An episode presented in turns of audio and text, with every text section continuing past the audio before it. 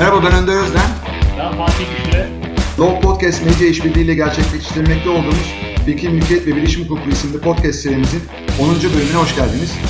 Bugünkü konumuz patent hukukuna giriş mahiyetinde ele alacak olduğumuz buluş patent, faydalı model, ticari sır, inovasyon kavramları ile daha güncel anlamda özellikle konuğumuz Aysel Korkmaz Yatkın'ın bizimle paylaşacak olduğu ilaç patentleri ve çalışan buluşları ile ilgili gelişmeler olacak. Konumuz demin söylediğim gibi Aysel, Aysel Korkmaz Yatkın. Aysel'cim hoş geldin. Merhaba, hoş buldum. Çok teşekkürler. Çok naziksin davetimizi kabul ettiğin için. Ben izin verirsen biraz senden bahsedeceğim. Sonra Fatih'e söz vereceğim. O da eklemek istediklerini ekler.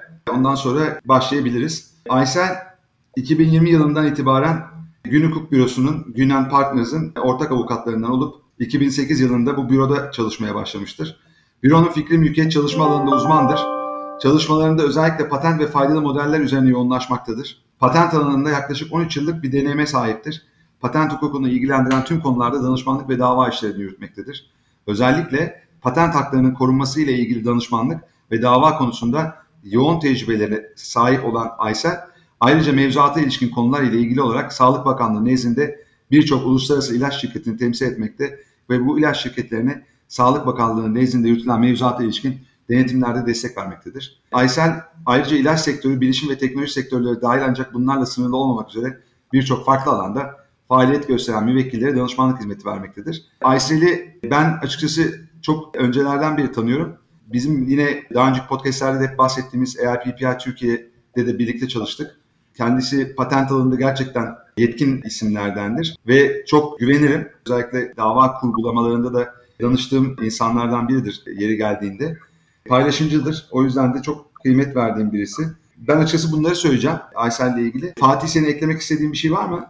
Söylemiş olduğun şeyleri aynen ben de katılıyorum. Aysel hakikaten bizim camiamızın e, önemli meslektaş olarak önemli isimlerden birisi patent konusunda. Ve insan olarak da, kişilik olarak da çok sevdiğimiz bir arkadaşımız. Yani e, bazı meslektaşlar, yani karşı kendisiyle duruşmalara da girdik. Bazı meslektaşlar sanki karşı taraf olunca meslektaşına da birazcık e, müvekkil yanlış anlar gibi endişelerle herhalde soğuk davranabiliyor. Ama Aysel'le biz hiç böyle bir şey yaşamadık. Yani duruşma öncesinde gayet güzel hayattan da e, meslekten de sohbetler ettik. O yüzden de benim için hem kendisi meslektaş olarak hem de insan olarak e, çok değerli birisi. Teklifimizi kabul edip programımıza da konuk olduğu için tekrar kendisine teşekkür etmek istiyorum ben. Buradan itibaren Aysel'cim ben sana sözü vereceğim ama genel olarak istersen giriş mahiyetinde hem kendi duygu düşüncelerini tabii söyleyebilirsin hem de Evet. bu patente giriş mahiyetinde düş, düşünürsek ilk baştaki bölüm en azından hı. kimin işte biraz buluş nedir patent efendime söyleyeyim inovasyon patentlenebilir kriterleri bunlarda nelere dikkat etmek lazım gibi başlayabiliriz.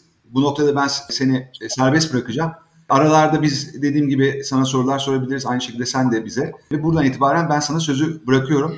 Tekrar teşekkür ederiz geldiğin için. Ben çok çok teşekkür ederim nazik davetiniz için. Gerçekten çok e, mutlu oldum. Sizin gibi değerli meslektaşlardan böyle güzel yorumlar, değerlendirmeler almak hakikaten hem çok duygulandırdı hem de gerçekten çok mutlu etti beni. Sizler de gerçekten IP alanında çok emek veren, çok değerli meslektaşlarımız olduğunuz için de ben e, ayrıca çok mutluyum. Çok teşekkür ederim. Umarım tüm dinleyicilerimiz için çok keyifli ve verimli bir yayın olur.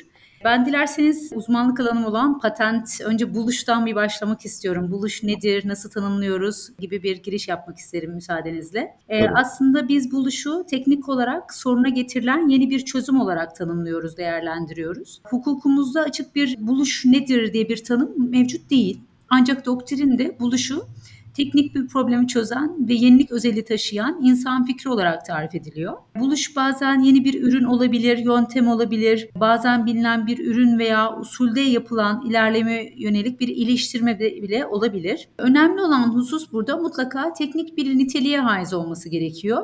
Bu nitelik buluşun fiziksel özelliklerinden, faaliyetinden ya da teknik nitelikte olmayan bir faaliyette teknik araçların kullanılmasından da kaynaklanabilir. Aslında Latince'de biz patenti açık, işte mühürle kapatılmamış anlamına gelen kelime karşılığı patentin bu aslında. Buluş sahibine buluşunu ticarileştirme imkanı sağlayacak şekilde koruma sağlıyor. Patent hakkı sahibi, hak sahibine diğer kimselerin o buluş kullanması, üretmesi, stoklaması, satması, ithal etmesi de dahil olmak üzere tüm münhasır yetkileri sağlıyor. Hukukumuzda patente ilişkin temel düzenlemeler sizler de çok iyi biliyorsunuz. 6769 sayılı Sinayi Mülkiyet Kanunu'nun 4. kitabında ve bu kanunun uygulanmasına dair yönetmelikte yer verilmiş. Bu kanun bildiğiniz üzere 2017'de yürürlüğe girdi. Bundan evvel 551 sayılı KHK yürürlükteydi. Mülkiyet hakkı aslında 1883 tarihli ta Paris Sözleşmesi ve Dünya Ticaret Örgütü üyeleri arasında imzalanan fikri mülkiyet haklarının ticaretle ilgili yönleri hakkında sözleşme var. TRIPS diye okuduğumuz. Buralarda da uygulama alanı buluyor.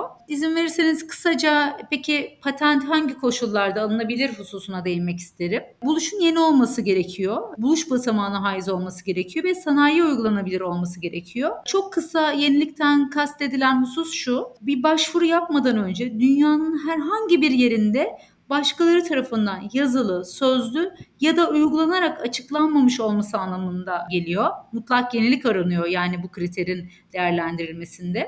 Tekniğin bilinen durumuna dahil olmayan buluşu yeni olarak kabul ediyoruz. Diğer bir kriter de buluş basamağına haiz olması gerekiyor. Yani tekniğin bilinen durumunu aşması gerekiyor.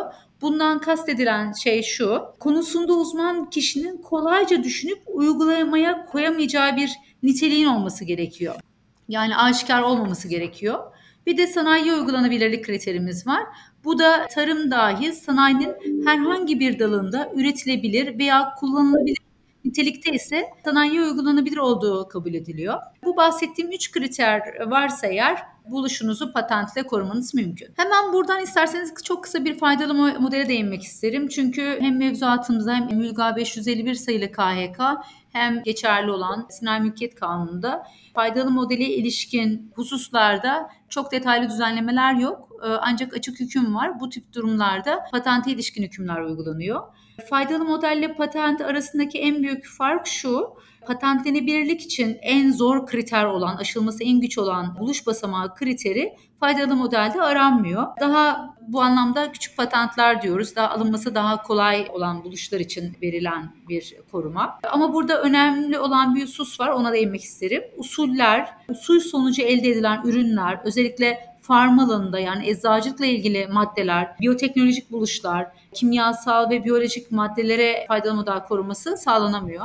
Bunlar da çünkü buluş basamağı çok önemli. Bunlar da mutlaka ancak patentle koruma altına alabilirsiniz. Dediğim gibi diğer bir fark da faydalı modelde sadece 10 yıllık bir koruma inhisari hak sağlıyor. Bunlarda hem patentte hem faydalı modelde önemli olan koruma süresiyle ilgili olan husus bu korumanın başvurudan itibaren başlıyor olması yani tescilden değil başvuru tarihinden itibaren hesaplanıyor. Bu neden önemli? Şu uzmanlık alanım olan ilaç patentlerinde patent almak gerçekten çok meşakkatli bir süreç ve başvuru aşamasında yapılıyor. Bazen 10 yıl sonra işte 5 ila 10 yıl sonrasında ancak siz patent alabiliyorsunuz. Ancak koruma başvuru tarihinden itibaren hesaplandığı için inovatör firmanın aslında buluştan sağladığı o tekel hakkını koruma süresi çok daha kısa oluyor. Yani 20 yıllık koruma 10 yılda fiiliyatta 10 yıla kadar düşebiliyor. Bu anlamda önemli. Aysel, Aysel çok pardon sözünü keseceğim. Burada faydalı modelle ilgili ben yargılamaya da hani biraz dönerek faydalı model aslında çok iyi niyetlerle çıkartılmış bir şey aslında ve evet. koruma tipi. Ve burada amaç aslında küçük buluş yapanları teşvik etmek ve bunları bir zaman sonra patente dönüştürmek. Çünkü bunlar arasında geçiş mümkün. Faydalı modeli patente dönüştürebiliyorsunuz. Ve bu bağlamda da yani buluşçuları teşvik etmek. Yani siz buluş basamağını da kriterini karşılamakla uğraşmayın. Bir yeni bir şey bulun ilk önce. Mutlak yeni olan bir buluş dünyaya getirin. Ve ondan sonra da bunu patente dönüştürebilin. Bu imkana sahip olun düşüncesiyle getirilmiş bir sistem ama e, ne yazık ki Türkiye'de ve bence dünyanın başka yerlerinde de e, böyle olabilir. Türkiye'de çok suistimal edilen e, bir sistem. Evet. E, ve bu, bunun bunun bize nedenlerini ve yargıya nasıl yansıdığını Fuzuli evet. su ekonomisine özellikle ket vuran sonuçlarını bize anlatırsan çok iyi olur. Tabii. Böylelikle yani faydalı modelin gerçekten neden varlık nedenini, gerçek amacını ve bunu nasıl suistimal edildiğini de dinleyicilerimiz öğrenmiş olurlar. Önder Bey çok teşekkürler. Çok iyi bir noktaya işaret ettiniz. Bahsettiğiniz gibi aslında bu faydalı model koruması sadece ülkemizde yok. Başka ülkelerde de var faydalı model koruması ama getiriliş amacı özellikle hukukumuz açısından gelişmekte olan ülkelerde inovasyonun artırılması için bir teşvik mahiyetinde getirildi. Ancak maalesef bu kötüye kullanımlar oluyor. Biz de zaman zaman uygulamada görüyoruz. Aslında dediğim gibi buluş basamağı kriteri olmadığı için mutlak yenilikle bu tip patentler ve e, faydalı korumalar verildiği için kötü niyetli tamamen tekel hakkı elde etmek için yapılan başvurular oluyor. Bunu da şuradan çıkarıyoruz. Açılan faydalı modele ilişkin, faydalı modele karşı açılan hükümsüzlük davalarının çoğu hükümsüzlükle sonuçlanıyor. Bu da bunun bir göstergesi. Tabii ki kanun kötü niyeti korumaması gerekiyor. Ancak bunlar tabii uzun dava süreçlerini açılmasına sebep oluyor vesaire. Ama yani getiriliş amacıyla şu anki uygulamada yaşadığımız gelişmeler, göstergeler aslında e, maalesef kötü niyetle bu hakların elde edildiğini görebiliyoruz.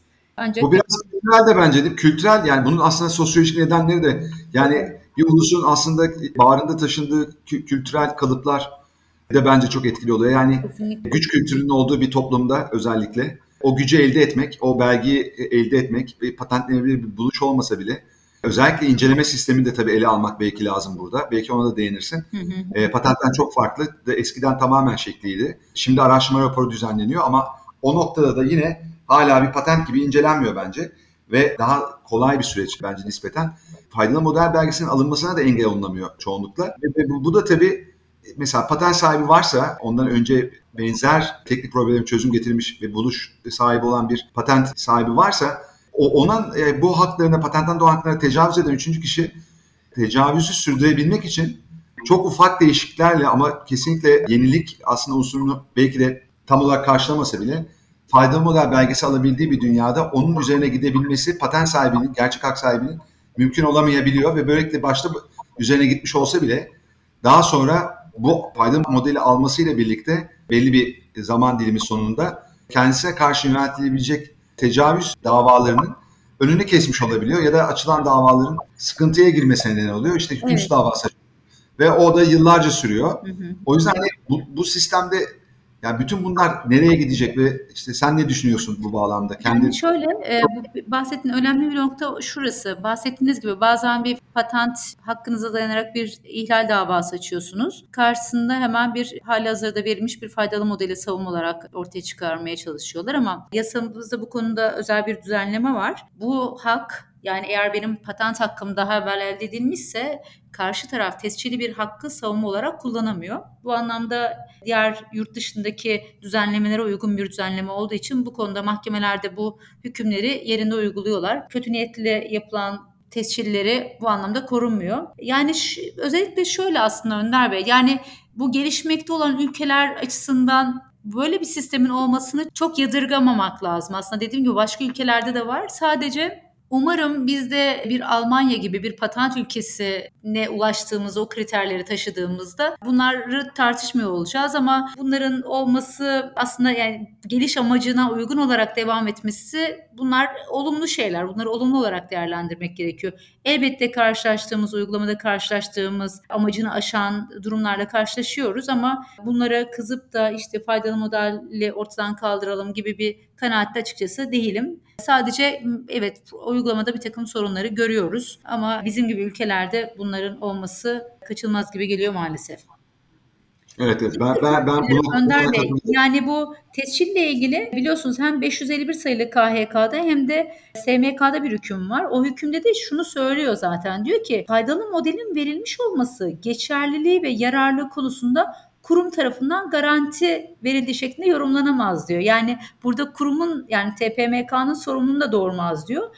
Eski 551 sayılı KHK'da da benzer bir hüküm vardı. Devletçe garanti edilemeyen düzenlemeler gibi hükümler vardı. Yani bu şunu gösteriyor. Hakikaten incelemeler ne kadar zayıf. Zaten yenilik incelemesi yapılıyor sadece. Bir buluşta en önemli, en çok üzerinde düşünülen, en çok zaman harcanan, en meşakkatli olan buluşsal adım incelemesi yapılamıyor. Dolayısıyla bir hak ihlali olduğunda ya da bir ihtilaf olduğunda benim tecrübe ettiğim de şu açılan hükümsüzlük davalarının çoğu hükümsüzlükle sonuçlanıyor. Bu da hem ne kadar hani kolay tescil alındığı ya da kötü niyetli tescil edildiğini bir göstergesi olarak yorumlayabiliriz. Tamam, okey. E, bunu da en azından konuşmuş olduk. Evet, evet. E, buradan itibaren sen kendi yine gündemine devam edebilirsin. İsterseniz bu noktada biraz ticari sırlara değinmek isterim. Ticari Tamam. sır da önemli. Çünkü e, biliyorsunuz patent dediğimiz şey kişiyle toplum arasındaki bir sözleşme anlamda. Siz diyorsunuz ki ben bir buluş yaptım. Çok bir sürü katlanmam gereken maliyetlere karşıladım. Ama bunun karşılığında da belli bir süreyle tekel hakkı istiyorum. Bunun karşılığında da siz buluşunuzu, formülünüzü, teknikteki soruna nasıl bir çözüm getirdiğinizi topluma açıklıyorsunuz, ifşa ediyorsunuz. Bunun karşılığında da belli bir tekel hakkı alıyorsunuz. Ama bu her zaman böyle olacağı anlamına gelmiyor. Bazen firmaların kendi ticari kararları olabilir. E, süreyle sınırlı olmasını istemeyebilirler, açıklanmasını istemeyebilirler. O zaman ticari sır kavramı ortaya çıkıyor. Dolayısıyla herkes her şeyi açıklamak zorunda değil. Ticari sırla da bir takım korumalar e, sağlanabilir. Peki ne diyeceksiniz? Ticari sırrın bir tanımı var mı? Çok ilginç bir şekilde e, maalesef hukukumuzda ticari sırrı tanımlayan açık bir hüküm bulunmamakta. Ancak ticari sırlar da fikri ve sinayi mülkiyet hakları kapsamında kabul ediliyor. Onu hemen söylemek isterim. O noktada e, güzel bir yargıtay kararından bahsedeyim. 11. Hukuk Dairesi'nin önemli bir kararı var. O kararda şunu söylüyor. Diyor ki ticari sır kavramının en önemli unsurunun toplumun bilgisi dahilinde olmama veya ilgili alanda rakip firmalarca bilinmeme şartının olduğunu ifade ediyor. Yani dediğim gibi bizim mevzuatımızda ticari sır tanımlanmıyor ama yargı kararlarıyla benim bu e, bahsettiğim Yargıtay 11. Hukuk Dairesi'nin de işaret ettiği gibi e, uygulamada bir takım tanımlamaları görebiliyoruz. Dediğim gibi söz konusu gizliliğinin bir sonucu olarak ticari sır korunması patent ve faydalı modellerden farklı olarak herhangi bir tescil sistemine bağlı değil tescil sistemine tabi değil daha doğrusu. Ancak ticari sırra ilişkin çeşitli kanunlarda çok e, hüküm mevcut biliyorsunuz. Türk Ticaret Kanunu'nda ticari sır, bankacılık sırrı veya müşteri sırrının açıklanması suçu var. 239. madde. Yine bizim Türk Ticaret Kanunu'nun haksız rekabete ilişkin hükümleri 54 ve devamı maddelerinde düzenleniyor. Bilgi edinme hakkı kanunun ticari sırları bir istisna olarak düzenleyen 23. maddesi var. Yine Türk Borçlar Kanunu'nun özen ve sadakat borcunu düzenleyen 396. maddesi kapsamında üretim ve iş sırlarını saklama yükümlülüğü var. Bunlar ticari sırla ilgili olan çeşitli kanunlarımızdaki düzenlemeler. Kanunun ticari sırlara sağladığı koruma bir şirket ile bağlantılı olması gerekmeksizin iş planları olabilir, pazarlama stratejileri olabilir, müşteri listeleri şeklindeki bilgi türlerini kapsayabilir, inşaat planları olabilir, tarifler olabilir, prototipler olabilir veya usullere ilişkin olabilir. Yani çok ticari sırrın kapsamı e, hakikaten oldukça geniş. Dediğim gibi bir müşteri listesi bile ticari sır olabilir. Teknolojik know-how da bir ticari sır olarak kabul edilmekte. En çok da karşımıza çıkan ticari sır çeşidi bu aslında. Patent veya eser korumasına konu olmayan algoritmaların dahi bu kapsamda korunması gerektiği düşünülüyor. Doktrinde tartışılan hususlardan bir diğeri. Ticari sır tabii ki hakikaten kanıtlanması oldukça zor. Ticaret mahkemelerinde bir de izin verirseniz şuna da değinmek isterim. Bu ticari sır tescil edilemeyen haklar olduğu için acaba fikri sinayi ile ilgili bir husus olduğunda görevli mahkeme kim e, husus tartışılıyor. İlk ticaret mahkemeleri mi acaba yetkili yoksa bunlar fikri sinayi hakları hukuk mahkemeleri mi yetkili diye. Bu konuda Yargıtay'ın çok farklı kararları var Önder Bey, Fatih Bey belki sizler de biliyorsunuzdur böyle bir tecrübeniz olmuştur. Bu konuda 11. dairenin çok farklı kararları var. Bunların ticaret mahkemelerinde görülmesi gerektiğini söyleyen kararlar da var. Aksini söyleyen kararlar da var. En son bu konuyla ilgili bir yargıta iştihadi birleştirme başvurusu oldu mu ondan bir haberim yok açıkçası ama böyle tartışmalar da var. Bunu biliyorum. Dilerseniz biraz bilgisayar programlarından bahsedelim. Gerçi bu işi üstadına bırakmak lazım. Önder Bey e, ve Barış Bey benim bildiğim çok önemli iki isim. Ancak şunu söyleyebilirim. Bilgisayar programları Fikir ve Sanat Eserleri Kanunu madde 1 B uyarınca bir bilgisayar sisteminin özel bir işlem veya görev yapmasını sağlayacak bir şekilde düzenle konulmuş bilgisayar emir dizgesini ve bu emir dizgesinin oluşum ve gelişimini sağlayacak çalışmaları ifade ediyor. Fikri ve sinayi mülkiyet hakları bakımından her biçim e, altında ifade edilen bilgisayar programları ve bir sonraki aşamada program sonucu doğurması koşuluyla bunların hazırlık tasarımları da ilim ve edebiyat eseri olarak korunuyor. Teknik karaktere haiz olması durumunda bu programların patentle korunması da mümkün ama bunlar hep çok tartışmalı olan hususlar. Şunu da söyleyebilirim. Haksız rekabet hukuk kapsamında da bu tip e, bilgisayar programları da koruma söz konusu olabiliyor. Sanırım bununla ilgili bir yayın yapacaksınız diye düşünüyorum Önder Bey. Evet evet onu Barış Atalay'la yapacağız. Evet. Ama ben bilgisayar programlarıyla ilgili senin bu söylediklerinin üzerine bir şey söylemeden ticari sırla e, ilgili aslında şöyle bir hani örnekle yola çıksak herkesin bildiği bir şey ve bu çok klişe ama Coca-Cola örneğini versek e, çok da kendimizi yormadan bu anlamda. Coca-Cola'nın yıllardır, çok, uzun yıllardır bunu özellikle ticari formülünü saklamayı başarması. Bir işte 20 yıllık bir patentte bir koruma süresi var ve bu süre sona erdiğinde tekel ortadan kalkıyor ve kamuya mal oluyor. Ve bu iyi bir şey aslında. Ama ticari sırda böyle bir şey yok. Özellikle bunun için de aslında şirketler ticari sırrı tercih ediyor patent yerine.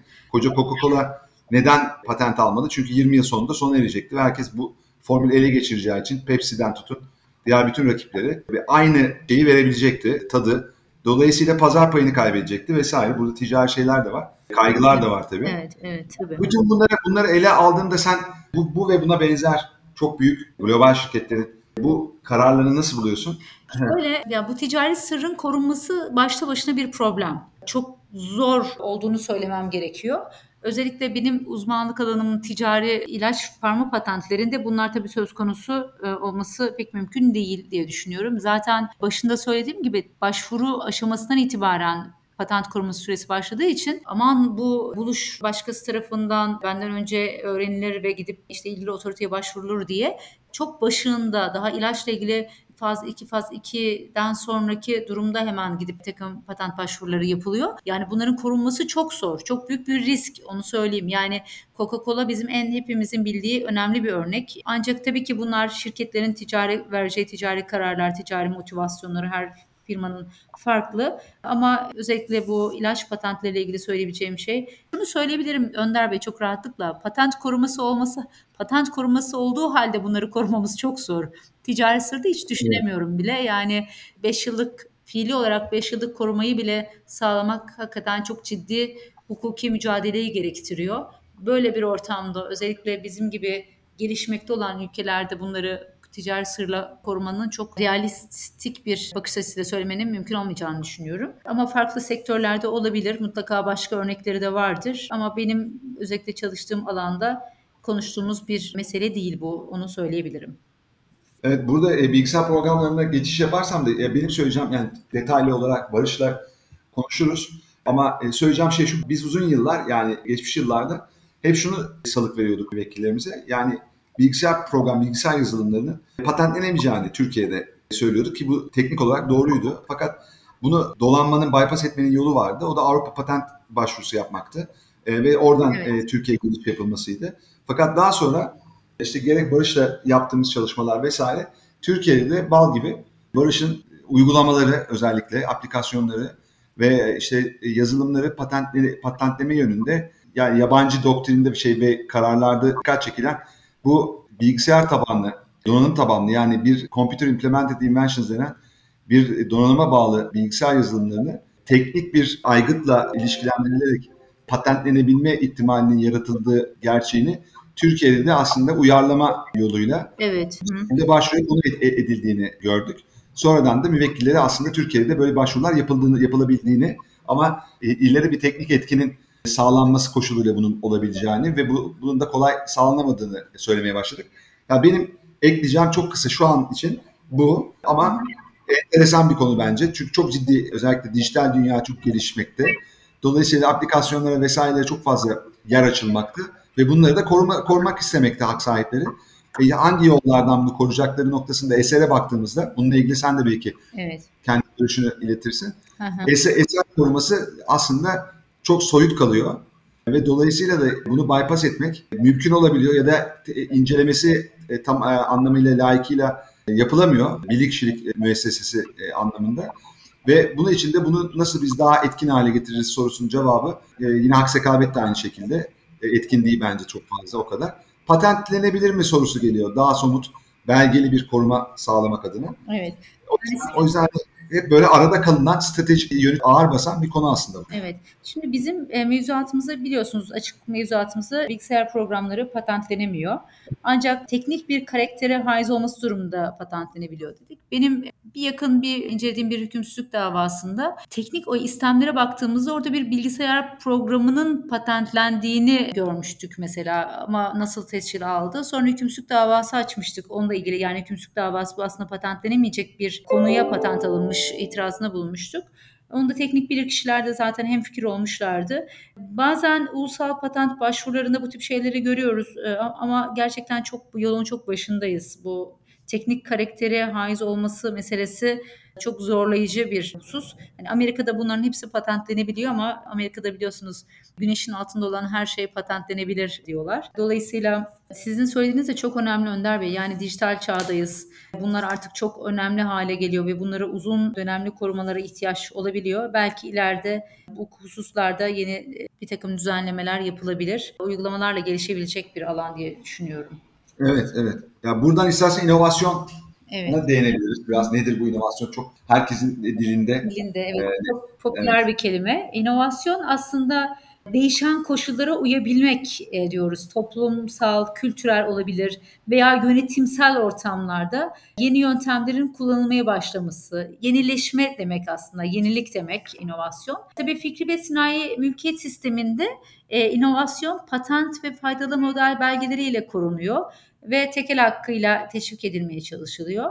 Ben bu konuyla ilgili e, benim bildiğim bu çalışan buluşları meselesi. inovasyonun hani hep şunu konuşuyoruz hem uzun dönemli planlarda da söyleniyor inovasyona teşvik edilmesi çok önemli. Özellikle gelişmekte olan ülkelerde bunların işte patent sayılarının e, artırılması çok önemli. Bunlar için teşvik edilmesi gerekiyor ya da çalışanların bu yapacakları buluştan makul ve hakkaniyete uygun bir bedelin verilmesi gerekiyor. Bunlar hep inovasyonu besleye, besleyebilecek şeyler. Bunlar çok önemli unsurlar diye konuşuyoruz. Biliyorsunuz çalışan buluşları ile ilgili bir yönetmelik var. O yönetmelikle ilgili o yönetmenin uygulanması sanırım bizim takip ettiğimiz Türkiye'de açılan ilk dava diyebilirim. Bu çalışan buluşları ile ilgili. Şuna gelmek istiyorum ondan Önder Bey, Fatih Bey. Şimdi inovasyon çok önemli diyoruz. Hukuk, ekonomi çok iç içe diyoruz. Eğer ekonomimiz, hukuk iyi olursa ekonomimiz gelişir diyoruz. Bunlar hakikaten birbirleriyle son derece ilintili olan kavramlar, iç içe geçmiş olan kavramlar. Asla farklı düşünemeyeceğimiz, yani hukuk konuşuyorsak ekonomiyi konuşmamız gerekiyor. Ekonomiyi konuşuyorsak hukuku konuşmamız gerekiyor. İnovasyon da bunların bir parçası. Ee, ama bunu teorik olarak konuşurken bunun hakikaten yasayla ve uygulamayla beslenmesi gereken hususlar olduğunda sizler de benim eminim e, aynı kanaattesinizdir. E, şimdi bu çalışan buluşları önemli bir mesele. Özellikle bizim gibi ülkeler için önemli. Ne kadar çok inovasyona teşvik olursa, ne kadar şartlar iyiyse siz de çok daha verimli çalışırsınız. Çok daha iyi sonuçlar alırsınız ve bu sizin ekonominizi de doğrudan etkiler. Bu çalışan buluşlarına ilişkin e, yönetmeliğe baktığımızda hakikaten çok detaylı düzenlemeler olmakla beraber orada bir hesaplama yöntemi var Önder Bey. Ona gelmek istiyorum. Hakikaten anlaşılması çok zor olan, oldukça kazüistik yazılmış bir yöntem diyebilirim. Şimdi bazı bu konuyla ilgili çalışanlar dinleyicilerimiz arasında olabilir. Diyeceklerdir ki e, biz Almanya'yı aldık, onun aynısını kopyaladık ama iş gerçekten böyle değil. Evet Almanya'daki çalışan buluşlarına ilişkin yönetmelik esas alınarak burada da hazırlanmış ama en önemli noktayı herkes göz ardı ediyor. Oradaki yüzdelik dilimleri bizdekinden çok farklı. Orada ki kat sayılar yüzdelik kat sayılar. Bizde ise yapılan işte lobi faaliyetleri, bir takım görüşmeler vesaire bizde o yüzdelikler oldu, bindelikler oldu. Dolayısıyla bu sonucu doğrudan değiştirdi. Ne demek istiyorum? Yani çalışan çalıştığı yerde bursal bir faaliyet yaptığını düşünün. Bir ARGE'de çalışan bir çalışanı örnek alalım. Yoğun çalışmalar yapıyor, fedakarlık gösteriyor, bir buluş yapıyor ve o buluş gerçekten çalıştığı kuruma çok önemli bir karlılık getirecek düzeyde bir şey oluyor. Bunu da işveren kabul ediyor ve gidiyor hak sahipliği talebinde bulunuyor. Çalışan kişi bu inovasyonunu, bu buluşunu anlatıyor. İşveren bunu hemen gerekli prosedürel formaliteleri tamamlıyor. Türk Patent Kurumu'na başvuruyor, tescil ettiriyor vesaire. Ama mevzuat diyor ki mutlaka hakkaniyete uygun bir bedelin verilmesi gerekiyor. Hakkaniyete uygun bir bedel verilmesi lazım. Bu bedel ne olacağı konusundaki düzenlemeleri yönetmeliğe bırakmış. Şimdi yönetmelikte baktığımızda dediğim gibi bu katsayılar son derece düşük katsayılarla çarpılıyor ve ortaya gerçekten günün sonunda sizin yargılama masraflarınızı karşılamayacak bir rakam ortaya çıkıyor. Şöyle söyleyeyim. Diyelim ki siz o buluştan 5 trilyon kazanıyorsunuz. Teknik bilekçi raporları alınıyor vesaire. Sizin çalışanınızın yaptığı buluş sayesinde siz çok önemli bir katkı sağlıyorsunuz şirketinize. Ama bu formül uygulandığında çünkü başka mevzuat yok. Başka mevzuat yok. Bu mevzuatın dışına çıkıp da karar bana göre verilebilir ama hukuku yani tamamen yönetmelik uygulandığında çok farklı bir tablo ortaya çıkıyor. Nitekim benim dahil olduğum davada da öyle bir örneği birebir yaşadık. Şirketin çok büyük kar elde ettiğini ispatlamış olmanıza rağmen maalesef bu yönetmelik uygulandığı için ortaya çıkan rakamlar çok düşük. O diyelim ki örnek misalinde söylüyorum e, meseleyi çok daha iyi anlaşılsın diye. Siz diyelim ki 10 trilyon kazandırmışsınız. Size verilen gerçekten mübalağa etmiyorum 10.000 TL yani bir akıllı cep telefonu bile alamazsınız o parayla ya da yargılama masraflarını bile karşılayamazsınız. Maalesef dediğim gibi inovasyon diyoruz, şu diyoruz, teşvik diyoruz, önemli diyoruz ama bunun ilk örneğini yaşadık. Hatta şu bir adım daha ötesine gelmek istiyorum.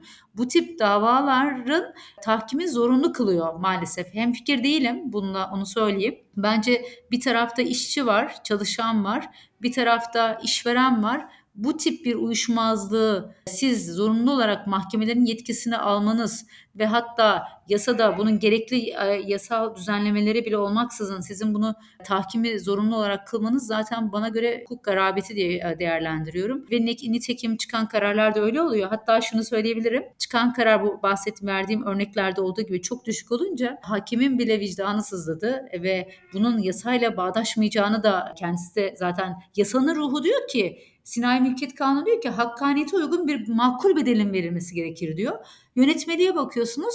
Yönetmelikteki rakamlar bunun Bununla alakalı yani taban tabana zıt şeyler söylüyor. Rakamlarla farklı şeyler söylüyor. Hakem yönetmeliği, yönetmelikteki formülün uygulanmasına karar vermesine rağmen çıkan rakamın 5 katını artırdı. Çünkü bence vicdanı rahat etmedi.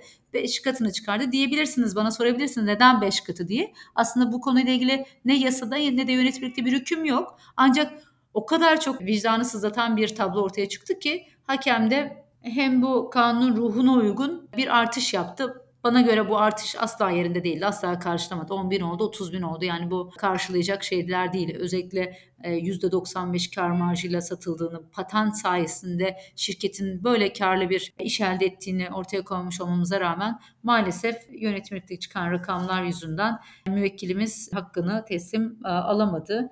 Bu da son derece üzücü. Hem inovasyon diyoruz hem bunları söylüyoruz hem de getirip yönetmelikte Almanya diyoruz, patent ülkesi diyoruz. Çok seviniyoruz. Sonra gelip çok önemli bir esaslı değişiklik yapıyoruz ama e, biz bu tartışmaları, bu itirazları yapınca da e ne var Almanya işte patent ülkesi biz oradan aldık zaten diyorsunuz. Ama hiç demiyorsunuz ki oradaki yüzdeydi biz o yüzde dilimleri değiştirdik binlere çıkarttık. Kat sayıları binle çarpıyoruz demiyorsunuz. Bu da e, maalesef uygulamadaki canımızı yakan hususlardan biri. Bunu da sizin vasıtanızla dinleyicilerimize aktarmak istedim. Ya burada şey var, Fatih aslında bununla ilgili de bir makale yazdı. O bu noktada e, katma değer ekonomisinden bahsedebilir. E, inovasyon dediğimiz hadise aslında işte Türkiye'de neden bu durumda? E, neden biz bir Kore olamıyoruz ya da işte bir ne bileyim Çin gibi veyahut da işte diğer ge- ge- gelişmekte olan ülkeler gibi kendimizi daha buluşa teşvik eden ve bunu çok ciddi katma değere dönüştüren aslında, yüksek katma değere dönüştüren bir ülke ekonomisine kavuşamıyoruz. Onunla ilgili Fatih bir şeyler söyler diye düşünüyorum. Onun için ona bir söz vermek istiyorum. Fatih'im senin var mı diyeceklerin bu konuda? Önder çok teşekkür ederim. Yani e, çok önemli bir konu bence de. Yani işin temel ruhuna e, inmek için ben e, böyle bir makale kaleme aldım. Katma değeri yüksek ekonomi diyoruz. Yani katma değeri yüksek ekonomi dediğimiz yani katma değer yaratmaktan farklı bir anlam içeriyor çok özet olarak. Yani yüksek katma değer dediğimiz şey katma değerin de üstünde ve e, o ürünü yüksek fiyatla sattığınızda müşteri tarafından marka değeri itibariyle veya farklı, farklı getirmiş olduğu fikratlarla ilgili ve inovatif katma değerler bazında satıcının talep ettiği miktar ne kadar yüksek olursa olsun satılabilme gücünü bize söylüyor. Yani çok yüksek teknolojide üretilmiş bir örneğin cep telefonunun piyasaya sürüleceğini duyduğumuzda biz fiyatlar yüksek olsa dahi o cep telefonu satan dükkanın kapısında kuyruklar oluştuğunu gözlemliyoruz. Aslında katma değeri yüksek ekonomi bugün bizim içinde bulunduğumuz ekonomik buhranın da sebebi. Çünkü ülkemiz tam anlamıyla bu bilincin farkında olmadığı için katma değeri yüksek ürünler, yüksek teknoloji ürünleri üretemediği için ister istemez bir ekonomik kriz içerisinde ve döviz darboğazında maalesef. O yüzden de bu hepsi yani Aysel'in de söylemiş olduğu gibi iç içe geçmiş, zincirleme bir reaksiyon içerisindeyiz. Yani hukuk hakikaten ekonomiyle bağlı, ekonomi de hukukla bağlı. E, o yüzden de bu katma değeri yüksek ekonomiye geçişimizin bilincinde olmamız gerekir diye düşünüyorum. Burada da bir zincirleme ilişki var. Bunun için bir düşünce özgürlüğü olması lazım ve bilgiye ulaşım olması lazım. Bir yönüyle de güç kültüründen kurtulmamız lazım. Çünkü ARGE dediğimiz şey hakikaten bir yatırım ve emek istiyor. Ama işte biz e, bu ARGE projelerini bir inşaat projesi gibi algılarsak yani şu zamanda şu olacak, bu zamanda bu olacak. İşte patron gelecek, e, açacak şeyi, e, inşaatı o yüzden de şu sürede bitirmemiz lazım gibi bakarsak olmaz. Bir daha yapacağız, bir daha deneyeceğiz, o başarısız olacak, bir daha geliştireceğiz. İşte ne şekilde koruyacağız, ne zaman patentleyeceğiz e, veya ticaret olarak mı koruyacağız, bunun stratejisini geliştirmemiz lazım. Birazcık bu bilinçle olaya yaklaşabilirsek, yani kültürel bakış açımızda bir değişiklik meydana getirebilirsek herhalde biz de zamanla katma değeri yüksek ekonomiye hemen olmasa bile geçeceğimizi düşünüyorum. Yani Aysel'in de dediği gibi bu bilinç meselesi, zincirleme reaksiyonu, hukukla ekonominin bağlantısını görmek lazım. Bunlar son derece önemli diye düşünüyorum ben. Burada şey de var. Bence sanayi toplumu olmuş olmak yani katma değeri yüksek ekonomiye ge- geçmiş olmak anlamına da gelmiyor. Dolayısıyla evet. fabrikalar, işte argeler vesaireler inşa etmiş olmak da yeterli değil. Burada aslında bambaşka işte orada inovasyon dediğimiz hadise devreye giriyor. O inovatif yaklaşımlar ayrı bir disiplin aslında ve bu disiplini de hem patentleme süreçleriyle hem stratejik fikri akran yönetim anlayışıyla desteklemek lazım geliyor. E bunların olmadığı bir ülkede, daha çok ithal eden bir ülkede, ara mal ithal eden hatta ham madde ithal eden bir ülkede ne yazık ki bizler teknolojik teşvikleri vesaire patent teşvikleri verildiğini görüyoruz ama bunlar aslında sözde teşvikler oluyor. Çıkan şeyler bizi hiçbir zaman bir katma değeri yüksek bir ürüne ulaştırmıyor ve dünyada pazarlanabilir bir yüksek fiyatla ve maliyetine kıyasla çok yüksek fiyatla satılabilen ve alıcı bulabilen, kolaylıkla alıcı bulabilen teknolojisi ve e, marka algısı ve çekici imajı sayesinde Apple gibi vesaire gibi iPhone gibi ürünleri üretemedi, üretemediğimiz e, bir, bir dünyada bu inovasyonun aslında tam olarak anlaşılmadığı ve oturtulamadığı sonucunu beraberinde getiriyor. Ya ben de açıkçası bunları ekleyerek Aysel'cim senin Şunu, bir de galiba ha, ekleyeceğim varsa onları da evet. Tabii. Şunu da söyleyebilirim. Aslında bu az evvel anlattığım çok genel bahsettiğim tahkim davasında yani acaba başka ülkelerde nasıl oluyor diye bir araştırma da yapmıştım. Hem gelişmiş patent ülkesi diyebileceğimiz ülkelerin dışında Çin Çin hukukuna da bakmıştık bu konuyla ilgili. Hakikaten o Çin'deki formülleri uyguladığımızda bile bizim yönetmelikteki katsayıları dikkate aldığımızda orada bile çok daha hakkaniyete uygun bir bedel verilebileceğini tespit etmiştik. Bu da tabii ki çok bizi üzmüştü. Hep Çin diyoruz işte fikri haklarını ihlal ediyoruz filan diyoruz ama hakikaten böyle bir konuda bile Çin'in gerisinde kalmak çok her şeyden önce çok üzücü. Onu da altını çizmek isterim. Yani çalışan aslında çalışana değer ne kadar verildiği de başka bir sorun. Biz de dediğim gibi hep şunu söylüyorum.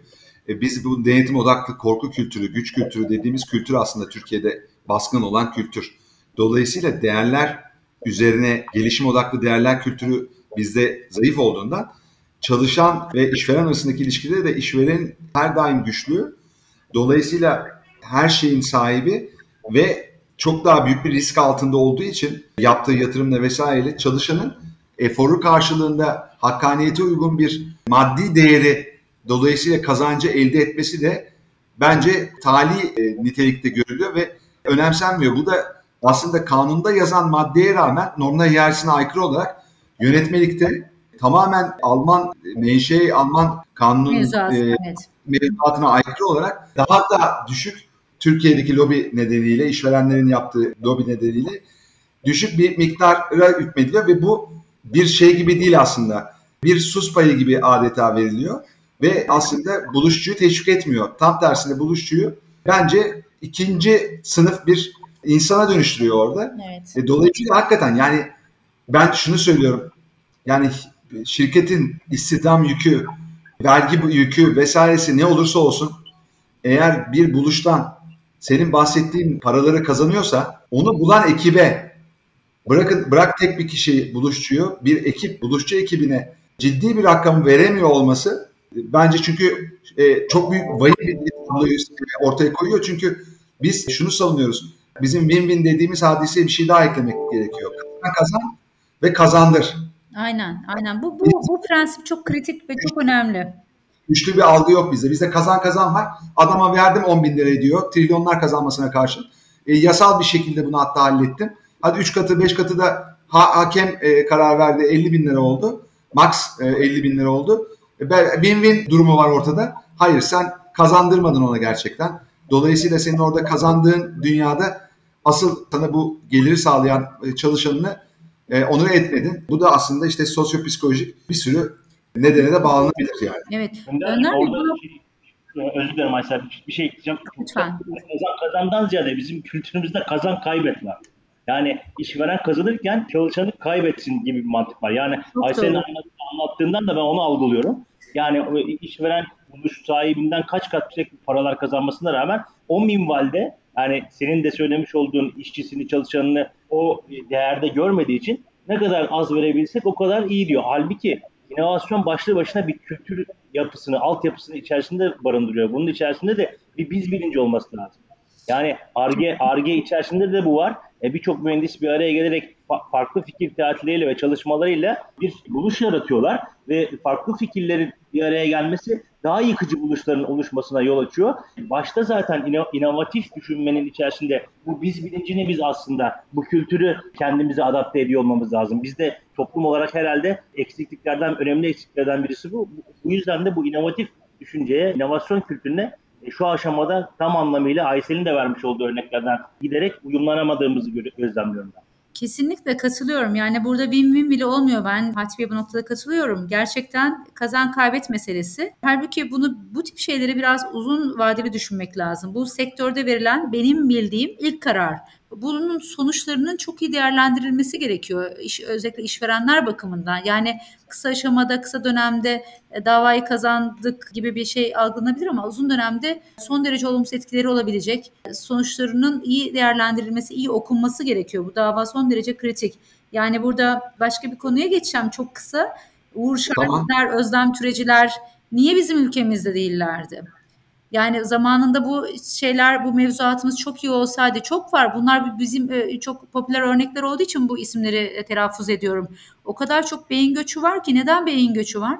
Çünkü bu tip şeyler bunlar küçük diye gördüğüm gö- bunlara çok dikkatle ele almak gerekiyor. Bunlar çok büyük sorumluluklar taşıyor aslında. Sorumlular için sonuçların çok iyi değerlendirilmesi gereken hususlar. Sonra da kişiler gidip yurt dışında şirket kuruyorlar. Başka ülkelerde yatırımlar yapıyorlar. Başka ülkelerde inovasyonlar oluyor vesaire. Neden göç oluyor? Çünkü burada kıymet verilmiyor. Çalışana işte çalışan hak ettikleri önem verilmiyor. Bu mevzuatla da diyorum ya Almanya'yı alıyorsunuz, yüzdelikleri değiştiriyorsunuz. Yani bu gerçekten çok çok vahim, çok dikkatli alınması gerekiyor. Bir son izin verirseniz çok konuşulan bir husus daha var. E, çok konuşulan değil de bilinmesi gereken, çok uygulamada duyuyorum bu eser koruması ve patent koruması ile ilgili birkaç cümle söylemek isterim. Patent ve tabii ki eser koruması çok farklı iki alan, iki farklı mevzuatla korunuyor. Telif dediğimiz orijinal olması kaydıyla eserleri koruyor. Patent biraz önce söylediğim gibi işte geniş buluşsal adımı olan ve sanayiye uygulanabilir buluşlar patentle korunuyor. İkisi arasındaki diğer bir fark da patent uzun zamandır konuştuğumuz üzere belli bir süreyle koruma sağlıyor. Fikir ve sanat eserlerinde ise böyle olmuyor. Bir kere herhangi bir tescil gerektirmiyor. Eserin yaratılmasıyla başlayan bir koruma söz konusu. Patent korumasından söz edebilmek için dediğim gibi Türk Patent Kurumu'nda mutlaka tescil alınması gerekiyor. Süre bakımından da telif korumasında eser üzerinde eser sahibinin hayatı ve takip eden 70 yıl süresince bir koruma bahşediliyor. Bu da hemen aklıma gelen çok önemli iki hususta değinmiş olayım. Çok sağ ol Aysel'cim. Bence bayağı bir şey konuştuk. Eserle patent meselesinde işte bilgisayar programlarını da konuştuk. O bağlamda ikisi arasındaki geçişi olabilir mi olamaz mı ayrı bir konu. Onu da e, ayrıca ele alacağız başka bir podcast'te diye konuştuk. Dolayısıyla bence o, o önemli bir konuydu. Ona da e, kısaca değindik. E, merak edenler daha detaylı olarak aslında irdeleyebilirler meseleyi. Ben çok teşekkür ediyorum. Bayağı bir şey konuştuk. Hatta bu e, bu yayın şu açıdan daha ilgi çekici olacaktır diye düşünüyorum. Sadece hukuku konuşmadık. İnovasyon kavramı sayesinde daha sosyopolitik hem aynı zamanda yine sosyopsikolojik bir sürü e, nedene de aslında dem vurduk. Neden böyleyiz? Neden böyle şeyler, kararlar çıkıyor? Neden böyle uygulamalar ve mevzuat var Türkiye'de? Bunları da aslında irdelemiş olduk. O açıdan da ben çok keyif aldım. Senin de anlattığın her şey aslında hem e, ufuk e, açıcı hem de belli noktalarda özellikle çok düşündürücü. Çalışan buluşları meselesi de oldukça derin bir konu. Bunu buna ayrı bir çekim yapmak lazım ve, ve 45 dakika sadece onu konuşmak lazım belki veya birden fazla bir serinin konusu olması lazım. Gerçekten. Ama yine de senin bunu değinmen her ne kadar patente giriş bölümü olsa da bu bölüm çok farklı bir noktaya temas ederek aslında inovasyonu giriş kavramlarından biri olan patent hukukuyla bağlantılı inovasyonun neden Türkiye'de bu durumda olduğunu çalışan buluşlarıyla anlatmak da bence oldukça akıllıca oldu. Bunu da dinleyenlerin fark etmesini dilerim. Bu açıdan da Uzgör'ün için teşekkür ederim. Ben çok çok teşekkür ederim. Özellikle bu fırsatı bana verdiğiniz için hem size hem Fatih Bey'e çok teşekkür ederim. Bu sayede sizinle de konuşmuş olduk. Ee, Umarım dinleyicilerimiz de büyük keyif almışlardır. Her zaman bize ulaşabilirler. Onu da buradan söylemiş olayım. Çok teşekkürler tekrar. Çok teşekkürler. Çok katıldığınız için bize çok çok mutlu etti. Dinleyicilerimiz de güzel ve mutlu bir hafta diliyoruz. Hoşçakalın. Hoşçakalın. Hoşçakalın.